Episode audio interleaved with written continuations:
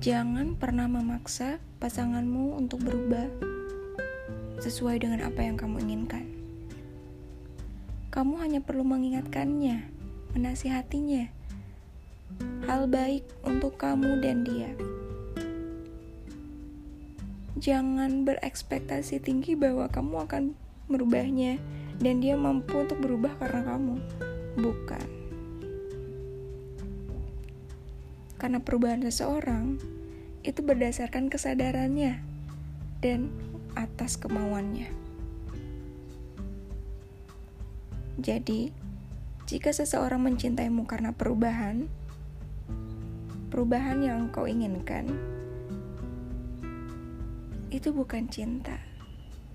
Itu namanya perjanjian.